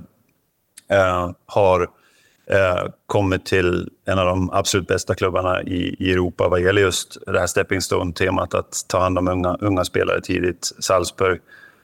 Um, sen hade han säkert från Salzburg kunnat gå till Premier League om han hade velat, men mycket clevert. Och så, så tar han ett Dortmund-steg som inte är absoluta topp, topp, topp elit och sen går vidare. Så det är ju naturligtvis den biten också viktigt, att du, du har en sund och långsiktig karriärsplanering. Men vad det gäller Håland så, så behöver vi nog alla inte eh, fundera över, om vi tar fotbollsatlet-temat, så kunde man ju se vid, eh, vid tidig, tidig, tidig ålder att eh, potentialen till 100 procent är där. Och potentialen då i mängd svenska fotbollsspelare tror jag absolut saknas. Eh, hur upplever du att det är med medvetenheten inom svensk fotboll kring det här? Eh, både bland klubbar och kanske agenter som vill förmedla spelare, men även ledare. Är man medveten om, om läget? Jättebra fråga, Olof. Ehm, det, det, det, är svårt att svara på. Alltså, jag, jag tror att klubbar um, i mångt och mycket kanske inte riktigt bryr sig heller. Utan man kokar sin egen soppa. Man ser till att man kommer eh, femma i sexa, sjua i ligan, håller sig kvar eller vad det nu ska vara. Va? Man, man, man kör den, den, det man alltid har gjort och, och försöker kanske um, Ja, alltså beroende på, beroende på situation och, och läge i, i, sin egen liga så, så återigen så kokar man väl sin egen liten soppa lite grann där. Va? Um, sen tror jag absolut att det finns folk i förbund och organisationer och, och, och i ungdom och, och, kanske lite grann ute där i, i periferin också som är absolut medveten om det. Kanske också lite mer medveten om men sen vet jag inte hur mycket plats sådana här människor får i sådana här frågor. Då för, um, för vi har ju naturligtvis ett väldigt demokratiskt samhälle även även i fotbollsvärlden. Och, uh, att föra sådana frågor um, tror jag säkert är en väldigt lång process uh, för att ta sig fram Ehm, till de möjliga rätta svaren. Ehm, så det, ja, det är svårt för mig att svara på ehm, vem, vad och hur mycket man tänker på. Jag tänker mer utifrån hur du känner. Men eller vad du stöter på. Men om man ser på ren statistik så är det ju väldigt tydligt att svenska spelare ute i Europa får mindre speltid eh, än både danska och, och norska. Vad beror det på? Hänger det ihop med att man har valt fel klubbar? Att man skyndats för mycket till toppen? Eller, eller vad, vad, tror du ligger bakom? Jag förstår att du inte har exakta svar på allting. Nej, men det, det, det här är så komplext. Mm.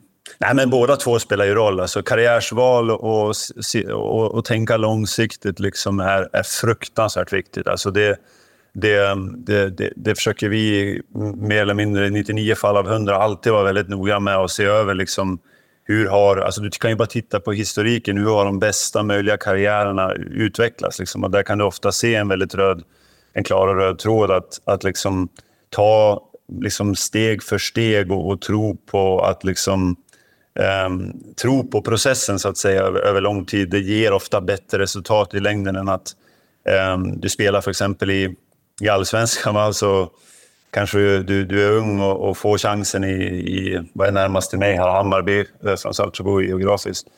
Eh, och så gör du ett år eh, och så drar du till Premier League eller du drar till, um, till La Liga eller vad som helst. Eh, så är sannolikheten naturligtvis mycket lägre att du kommer få speltid. Så karriärsplanering, enormt viktigt. Men sen, eh, å andra sidan, din kvalitet, din potential, um, spelar ju naturligtvis också, också roll, va? Båda, båda parter. Um, så du har, de delarna måste man lite grann se över lite grann. För att, jag menar, ser man på Håland när han var i, i Salzburg så är det mycket möjligt att han hade kunnat klara ett större steg från Salzburg än han tog till Dortmund. Även om jag tycker att det var väldigt smart. Um, för att han definitivt hade potentialen och, och kvaliteten. Um, så att uh, båda frågorna ska alltid i lugn och ro liksom analyseras och, ta, och tas, om hand, tas om hand om för att få bäst möjliga resultat. Och, och det är vi nog båda överens om, eller alla överens om, att det inte alltid görs. Utan uh, man ser gärna kort, kortsiktiga lösningar, lite mer pengar direkt, och så skiter vi i vad som händer sen och så, och så kör vi bara. Uh, du var ju det... själv mittback i en tid när det åtminstone fanns fler mittbackar att välja på för den som var förbundskapten.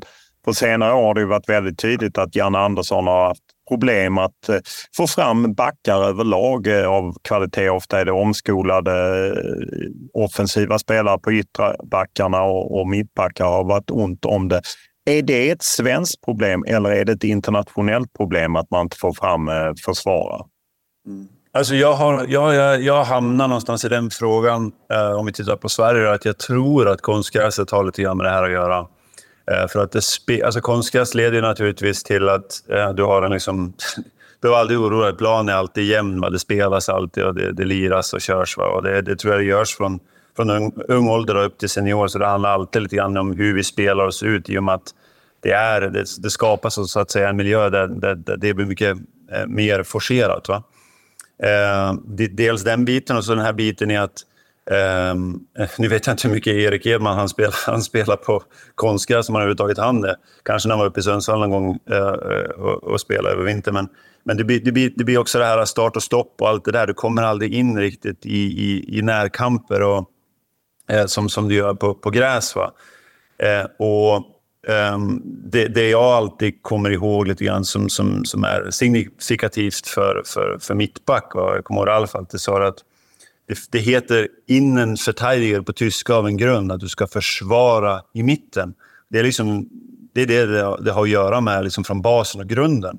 Och just den biten tror jag då försvinner lite grann, att du, du har för lite aktioner att försvara centralt som då krävs. Va? Försvara centralt eh, både eh, högre upp i banan men, men framförallt kanske lite grann box också. Va? Att, du, att du verkligen kommer i väldigt, väldigt många dueller. För det, det, det är där målen görs uh, statistiskt sett i fotboll. De görs alltid kring, um, kring en viss zon um, centralt uh, runt omkring målet. Uh, och, och, och, och, mer, mer, mer sällan längre ifrån. Så um, jag tror absolut att det spelar en roll för svenska spelare. Och så sen, annars har jag inte... Um, jag har faktiskt inte hört det noiset för mycket runt i Europa och tror heller inte att det är ett så stort tema i de andra länderna. Ja, Norge är väl det enda man har sett att Ståle Solbacken har en väldigt fin offensiv med Ödegaard och Haaland mm. och så, men också har lite svårt med på backsidan. Och de, de kör kan... gräs för mycket också, så det ja, kan ju vara... Och det, det, är liksom, det blir ju väldigt subjektivt i och med att du kan inte få en hundraprocentig objekt, objektiv analys på det. Men, men jag, jag, av de orsaker som jag nämnde så tror jag och förmodar jag att konstgräset spelar stor roll för försvarsspelare och framförallt mittbackar. Är det någonting man känner som finns, är bra med svensk fotboll när man tittar hit? Är det något man känner att det är Sverige bra på? Oj, alltså... Sverige har ju, tycker jag i alla fall utifrån sett, um, uh, om, man, om man då jämför att uh, spelarutveckling och antalet många duktiga, unga, intressanta spelare har minskat så är ju fortfarande intresset för fotboll enormt. Alltså jag tror det finns... Alltså man bryr sig eh, otroligt mycket om, om fotboll generellt i Sverige. Alltså, du har ju du har en relativt hög publiksiffra skulle jag tippa. Nu har inte 100% koll jämfört med, med, med många andra ligor där ute. Jämförelsevis då med kvaliteten så att säga på ligan. Um, och, och det, det, är bra, det finns bra faciliteter.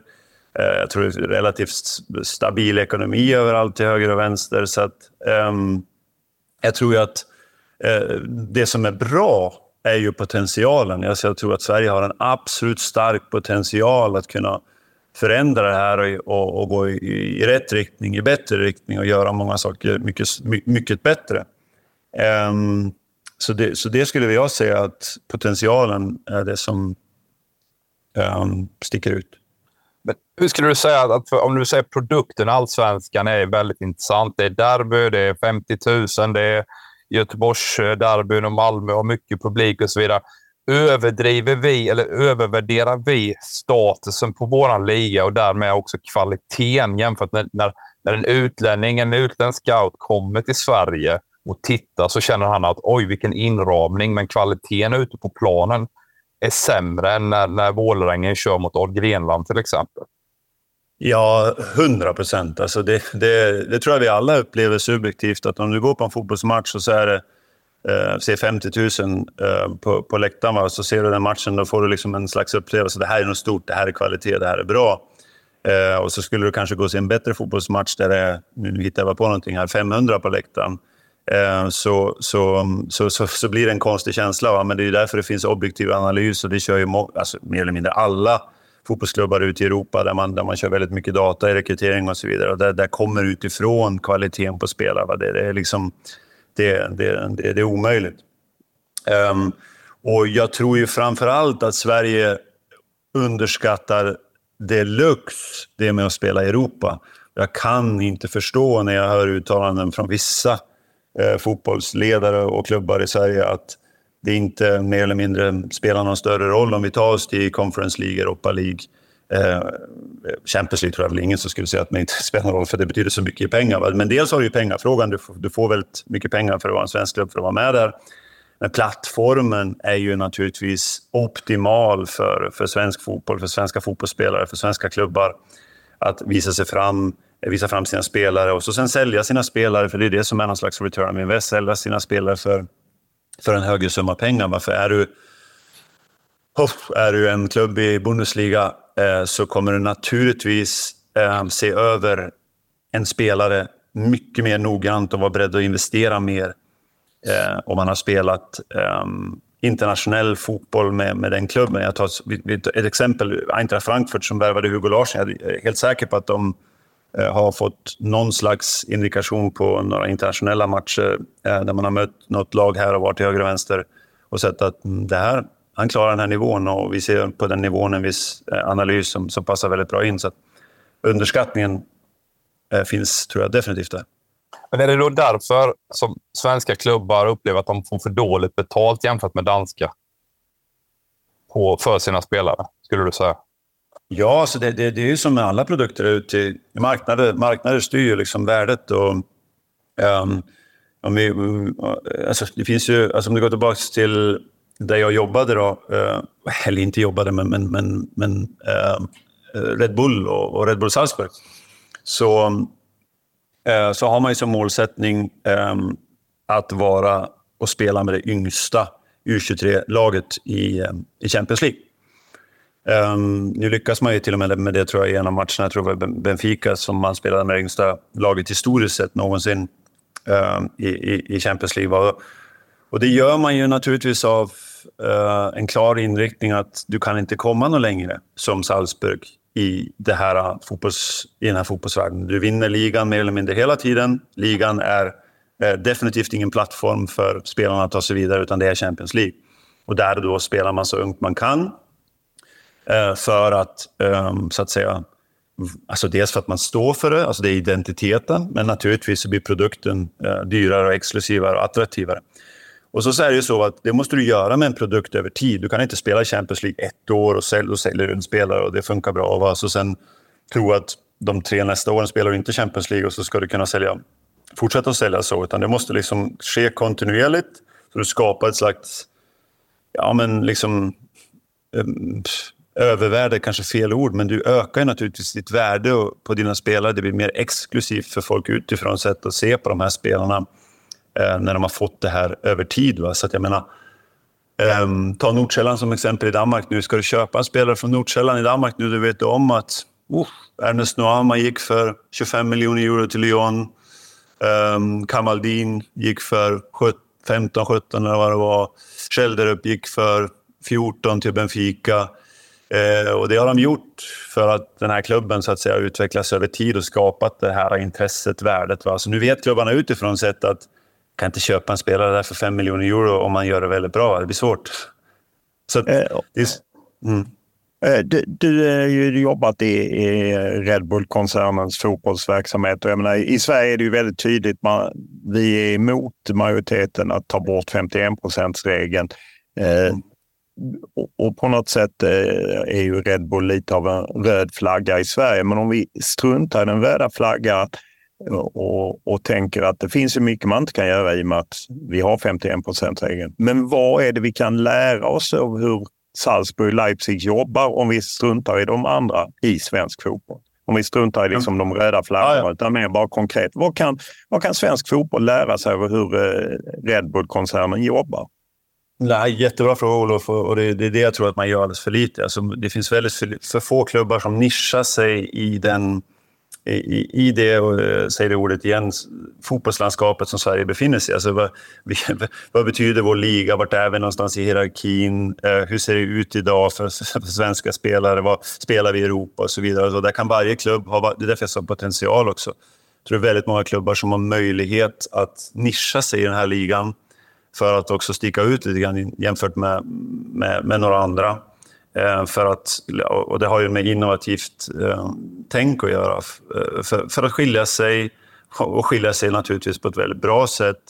Eh, och så sen då över tid, kontinuerligt, ehm, skapa ett större intresse för, för både klubben, men för, eh, för, för, för, för externa, alltså för, för klubbar utifrån sett också. För Sverige är ju naturligtvis kommer alltid vara en liga som föder till eh, Benelux, eh, Österrike, eh, Schweiz, kanske ja, just nu är det till och med väl Danmark eh, av och till. Va? Och i, i undantagsfall då kanske någon spelare som är så pass bra som, som Hugo Larsson då, som har spelat i, eh, i den högsta klubben, bästa klubben i, i, Sverige med bäst möjligheter och kan också spela Champions League, Malmö FF, eh, och tar sig då vidare. Um, så um, precis, det, det, det, det är jag helt övertygad om att man, att man kan göra. Just det här att eh, spela mycket unga spelare, det, är ju... Eller eh, Salzburg ett exempel, Nordsjälland som du nämner är ett annat exempel. Jag tror de hade åtminstone tidigare under säsongen yngst eh, trupp i hela Nordens topp två-ligor. Hur, hur hade man kunnat genomföra det i en, i en svensk klubb där man på något sätt också ska tillfredsställa supportrar och partners och liknande, men att man går en annan väg. Nej, jag vet, och det är det som är, det är, det är därför det här, allt det här med demokrati och, och, och alla ska tycka och tänka och vara med. Det, det, du kommer aldrig komma runt att det kommer, det kommer vara komplext och du kommer göra, det är någon du kommer göra illa. Det är någon som inte kommer tycka om det och det, det får, du, får du någonstans stå tåla om det gör det. För att så, så är det. Va? det är så, och, och, och, återigen, speciellt då kanske i Sverige, i Skandinavien där det, där det är ett otroligt fotbollsintresse kring supportrar. Supportrar betyder fotbollen enormt mycket, men, men för mig då som ser på fotbollen kanske lite mer och svenska fotbollsspelare och framtid på, på ett helt annat sätt. Jag vill ju naturligtvis att det ska finnas 50 till 75 otroligt duktiga U23 svenska spelare eh, där ute för, för både Sverige men även naturligtvis för, för, för mig själv. Så, um, så, så, så, skulle man ju önska att, um, att, att klubbar inser um, allsvenskans superetta. men jag skulle till och med gå ner så pass som till uh, division 1-strukturen. att se över liksom average starting 11, vad är det vi håller på med här vad är det vi föder? Varför har vi Eh, Gunnar Pettersson 30 på halvtid och, och kommer hit med korv och bröd och det ena och andra. Liksom. Alltså, det är det jag tänker lite grann med, med det här innovativa. Att det finns, vad, vad är det vi föder där? Och, och liksom, där behöver någonstans för mig eh, Svenska fotbollsförbundet, Svensk elitfotboll tillsammans med de här olika avdelningarna fundera ut och diskutera och jobba tillsammans för att, eh, för att eh, ja, men våga tänka lite annorlunda. För att Eh, går går ju absolut. Jag menar, eh, om vi tittar på, på Salzburg så har man ju sitt andra lag, då, Liefering, i andra ligan i Österrike. Och du spelar ju alltså med en genomsnittsstart 11 i andra ligan och det, det, det är säkert jämförbart med superettan som är mellan 18 och, och eller 17,5 till 18,5. Det är liksom genomsnittsåldern på startelvan. Um, och så att går, går det absolut. Eh, ingen tvekan. Och det, det, det, är precis det du är inne på i början som är temat. Va? Du kommer såra någon, det kommer bli diskussioner och det kommer... Varför gör vi inte som vi gjorde förr och, och det ena och det andra. Eh, Men för... mm. upplever du, du, du har ju varit utomlands länge, flyttat tillbaka till Sverige för några månader sedan, men jag gissar att du ändå följt liksom lite grann vad som sker i Sverige. Upplever du att det finns en, en debatt, en diskussion kring det här? Nej, det, det gör jag väl egentligen inte. Alltså det, finns, det, det är väl mer så att säga... Mm, det, det, känns som det ligger lite där på ytan. Alltså, ni journalister, man har det lite grann sådär och det passeras lite här och var och det diskuteras lite kanske från den ena till den andra. Det kommer någonstans i en intervju här och var, som i vår podcast kanske nu när vi diskuterar. Men eh, att det finns någon form av vad ska jag säga, något organ som verkligen kan påverka, alltså liksom en, en kommission, en taskforce som verkligen går in för det här, eh, där vi kan läsa om det och se om det och, och där man hör om det. Det, det, det upplever jag inte och, och det, det, det, är väl där någonstans problemet och samtidigt då potentialen ligger att klubbarna eh, från allsvenskan, superettan och neråt tillsammans med förbunden um, um, funderar över uh, lite grann um, hur vill vi ha det i framtiden? Jag upplever att det finns en, en jättetydlig identitet då i Salzburg och därmed också en väldigt, väldigt tydlig strategi. Eh, hur, hur, ser du på den frågan inom svensk fotboll och framförallt elitfotboll? Nej, men det, det, jag, det, jag tyckte jag var inne på det tidigare. Jag tycker att det saknas. Alltså, um, um, och det har ju med, med, med, ledarskap att göra. Det, det fungerar ju alltid uppifrån och ner, framförallt när det är på, på klubbnivå. Liksom, vilken, vad vill man vara? Vilken identitet har man? Vilken strategi har man? Och hur, liksom, hur, hur, hur förs det då uppifrån och ner? Va? Eh, och, och jag tror och förmodar och är ganska övertygad om att det, man gör väldigt mycket som man har gjort förr. Eh, och är ganska nöjd med det. Eh, för att um, är man en klubb i allsvenskan och, och blir eh, trea ett år och femma ett år och sexa ett år eh, så, så, är, så är det helt okej. Okay. Um, nu, nu, nu, är, nu är det så att naturligtvis finns det undantaget som bekräftar reglerna och, och duktiga klubbar. Så tar, jag har väldigt stor tro på för exempel eh, Häcken, Martin Eriksson och, och, det de håller på med. Det tror jag skiljer sig lite grann ut just nu och, och där det känns väldigt nytt, fräscht, eh, göra annat mer, eh, innovativt eh, och så vidare.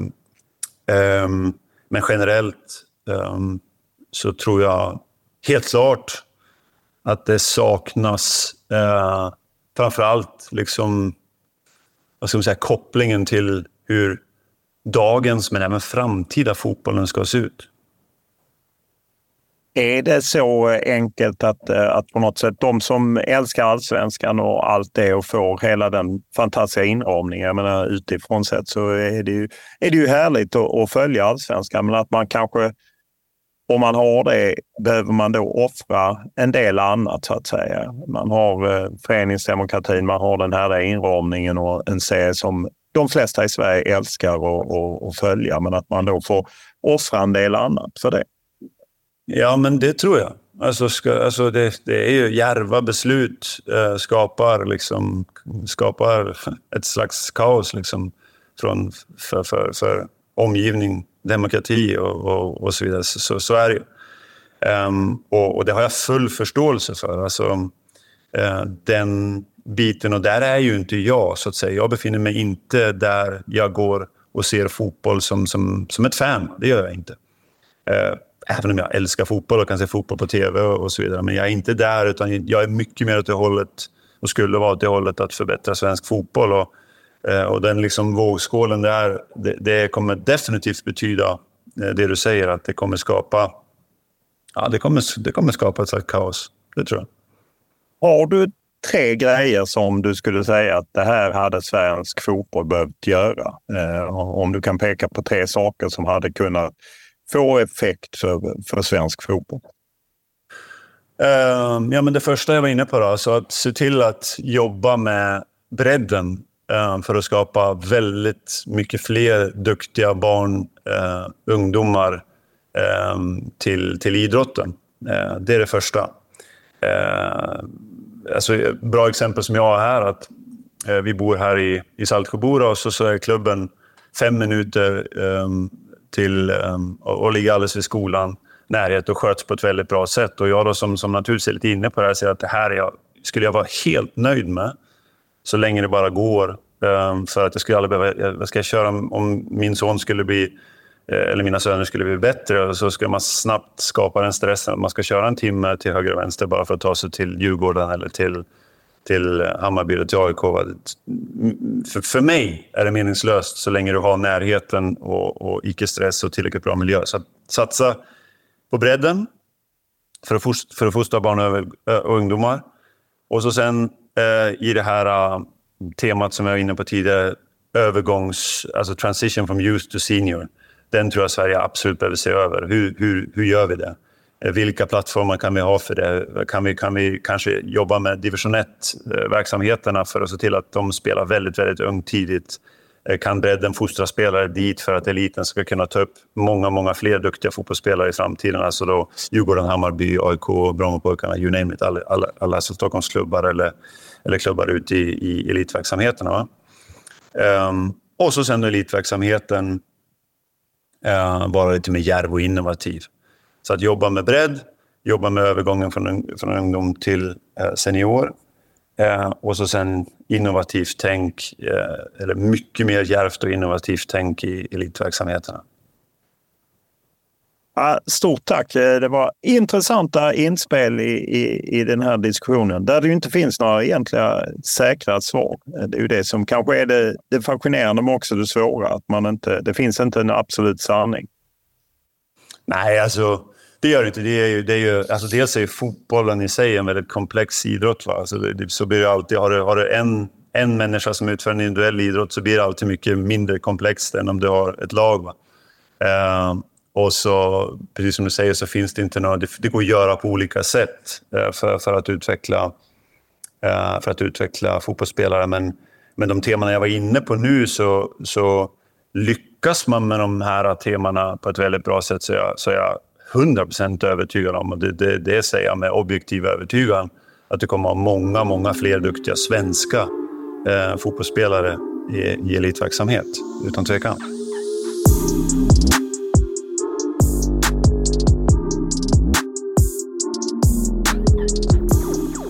Ja, då har vi lyssnat på först Alfred Johansson, sen Thomas Berntsen, Pelle Nilsson därefter. Och även fall jag som journalist vill ha lite mer kris och lite starkare ord, eh, det efterlyser man ju alltid. Vad är din tolkning av eh, när du hör de här tre titta på svensk fotboll? Ja, framförallt det är otroligt intressant att lyssna på alla tre. Alfred pekade ju en hel del på att eh, försöka träna, eller behovet av att träna mer i unga åldrar. I åldern mellan 12 till 15 är ju Danmark mycket, mycket längre fram. Man pratar om att det här klassiska svenska uttrycket skynda långsamt. Vi har inte tid att vänta. Är det någon som är långt fram måste vi börja utsätta dem för eh, elitmiljö, press och stress och kunna härda dem för att sen kunna skörda det och kunna använda det så att säga i landslagssammanhang eh, på Friends Arena och så vidare. Pratar också om strategi, tydlig samverkan och en, en, en tydlighet inom hela föreningen för att tillsammans få fram spelare in till A-laget. Det tyckte jag var väldigt intressant uh, vad det gäller Alfred. Alfred pratar ju också om att de hade en annan, på något sätt, som han upplevde, mer nyanserad diskussion kring det här med selektering eller nivåindelning och liksom att de som verkligen vill något ska få göra det och så. Är vi för ängsliga i Sverige kring den här frågan som alltid på något sätt blir laddad? Jag tycker man behöver landa i att, att vi behöver på något sätt ha förståelse för både bredd och elit. Och där tycker jag att det blir lite mellanmjölk i Sverige. Där många ska hålla på med ett elitspår. Samtidigt så, så vill vi också eh, ha, ha, en tydlig bredd. Det, det, upplever jag ju väldigt, väldigt konkret i Danmark att eh, uppdelningen är mycket tydligare och det finns en, en förståelse för breddklubbarna hos elit och, så, och vice versa eh, som, som upplevs mycket, mycket tydligare i Danmark. Betyder det något det här att svenska ungdomslandslag inte lyckas fullt ut? Eh, jag menar bara häromdagen så var det ju U19-landslaget spelade 0-0 mot Liechtenstein och, och så att vi har väldigt sällan lag med i de här slutspelen. Betyder det något? Vi har ju ändå gått till massa slutspel med A-landslaget. Ja, men absolut, det är klart att det betyder jättemycket. Det där är ju en utbildningsplattform för unga spelare. Och ju, ju, ju tuffare och, och tätare matcher och ju längre du kan komma i turneringar och framförallt komma till slutspel är otroligt viktigt för att skapa då en bas av erfarenhet för unga spelare för som vi sen i seniorsammanhang kan använda både på klubbnivå och i landslagssammanhang. Thomas Berntsen som ju kommer från Sarpsborg, han har ju på ett sätt varit rätt tydlig när han har varit här i AIK om att man tränar eh, alldeles för lite. Upplever du att det är samma bild, att, att svenska elitspelare tränar för lite? För mig är det ju svårt. De är ju proffs, de borde ju ligga i. Men det är klart att man tränar otroligt mycket. Han tryckte framförallt på det här med att, att träna ett högre tempo. Det, det fastnade hos mig och tog upp tydliga exempel på de som gör det bäst i allsvenskan. Och då nämner han ju Elfsborg, han nämner Häcken och när jag reflekterar i efterhand också tänker jag, okej, okay, vilka, vilka klubbar är det som har sålt flest spelare de senaste åren? Ja, det är också Elfsborg, det är också Häcken. Så det är tydligt att de gör saker som attraherar utländska klubbar att, att komma och köpa eh, spelare hos dem också. Och de har också då, med tanke på det han säger, en spelstil som attraherar utländska klubbar. Det var ju lite nedslående tyckte jag att höra Pelle Nilsson eh, över både som ansvarig i Leipzig-koncernen. Jag vet att eh, Red Bull är ett rött skynke i svensk fotboll, men de har ju ändå varit framgångsrika att skapa de här unga lagen. Framförallt Salzburg spelar hela tiden med unga spelare, tar fram unga spelare. som vi bortser från själva ägandet så har de ju haft en, ett driv i att ta fram spelare. Och nu är han då agent. Att intresset för svenska spelare var rätt litet. Det tycker jag är lite nedslående.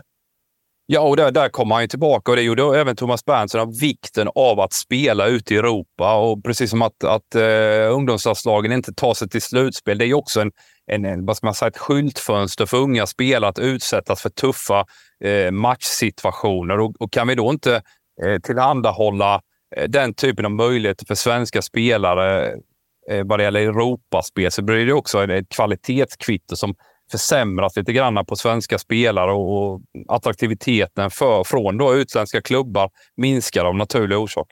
Pelle Nilsson, själv gammal eh, försvarare som du också. Eh, han tog ju upp det här med konstgräs som vi ju hör ibland och som ju är faktiskt vanligt. Man kan ju förstå att vi i de norra delarna av Sverige behöver konstgräs, men kanske inte över hela landet.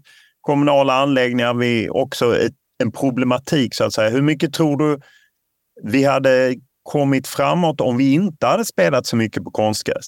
Ja, men han nämner ju det här med att komma in i press och de här bitarna som, som man hör från många håll. Sen ska man också komma ihåg, tycker jag, och nyansera bilden lite grann, att utomlands eh, på ungdomsnivå, även i sydligare breddgrader, så spelar många och tränar många unga spelare på konstgräs. Sen är det ju en tydlig eh, avgränsning sen när man kommer upp i seniornivå. Att nej, nu är det inte konstgräs längre. Nu är det gräs och framförallt hybridgräsvarianter. Det är ju en ekonomisk fråga och det här med kommunalt eh, styrda anläggningar, det, det, det är ju någonting som vi längre fram också kommer ta, ta tag i så att säga. Du har ju en lång eh, spelarkarriär. Sen har du jobbat inom HF, HF Akademi och sen i Hittarp och Landskrona och nu tillbaka i Hittarp och rör dig ändå liksom lite ute i fotbollsmyllan. Eh, hur går liksom tankarna där? Hur medvetna är man om att Sverige halkar efter? Jag tror att på, på, på lite lägre nivå så är man ju mer upptagen med, med sitt eget och, och det man håller på med i, i den lokala fotbollen så att säga. Men, men tydligt är när man pratar med mycket, mycket folk att det är många som är bekymrade och man ser då eh, de här satsningarna som gjordes för 10-15 år, eh, år sedan i Danmark, att de har, har kört om oss för länge, länge sedan. Och man ser också utvecklingen i Norge där man också tagit ett tydligt avstamp med med, med satsning på ungdomsnivå. De börjar bära frukt nu också och Norge är verkligen på gång framåt här. Även om man fortsatt inte kommer till slutspel så ser man på ungdomsnivå och framförallt klubbnivå där man eh, är långt före svensk fotboll. Hur orolig är du? Jag är väldigt orolig. Jag tror att eh, vi behöver eh, ta tag i ett antal stora eh, frågor här framåt och förhoppningsvis kan vi få konkreta takeaways under den här poddserien. Vad vi kan göra och vad vi framförallt bör göra framåt. Det vanliga är ju att alla säger att det finns inte resurser. Handlar allt om resurser? Nej, det gör det absolut inte. Det är klart att eh, mer pengar ger större förutsättningar, men vi behöver också ta ett grepp om vad kan vi göra som inte kostar eh, en jädra massa pengar, utan vad kan vi använda med det vi har att disponera så att säga. Det är också en väldigt, väldigt viktig frågeställning eh, framåt. Det är bara att haka på Blågul framtid om krisen i svensk fotboll. Detta är avsnitt ett där jag och Erik Edman tillsammans försöker ta ett grepp och ge en eh, ja, nyanserad bild helt enkelt av en, av en komplex situation men där eh, rätt många är oroliga. Och eh, avsnitt kommer alltså måndag, onsdag, fredag de närmaste veckorna. Det är bara att haka på.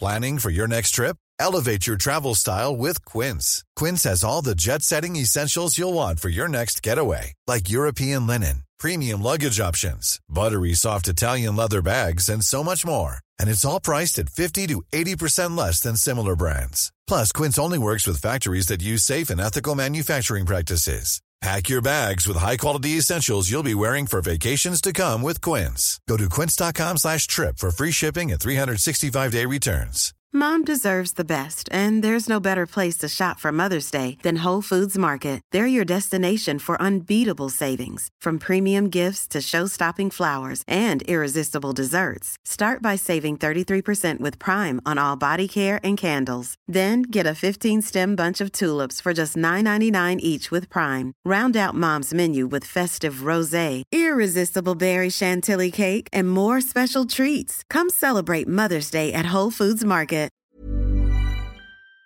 you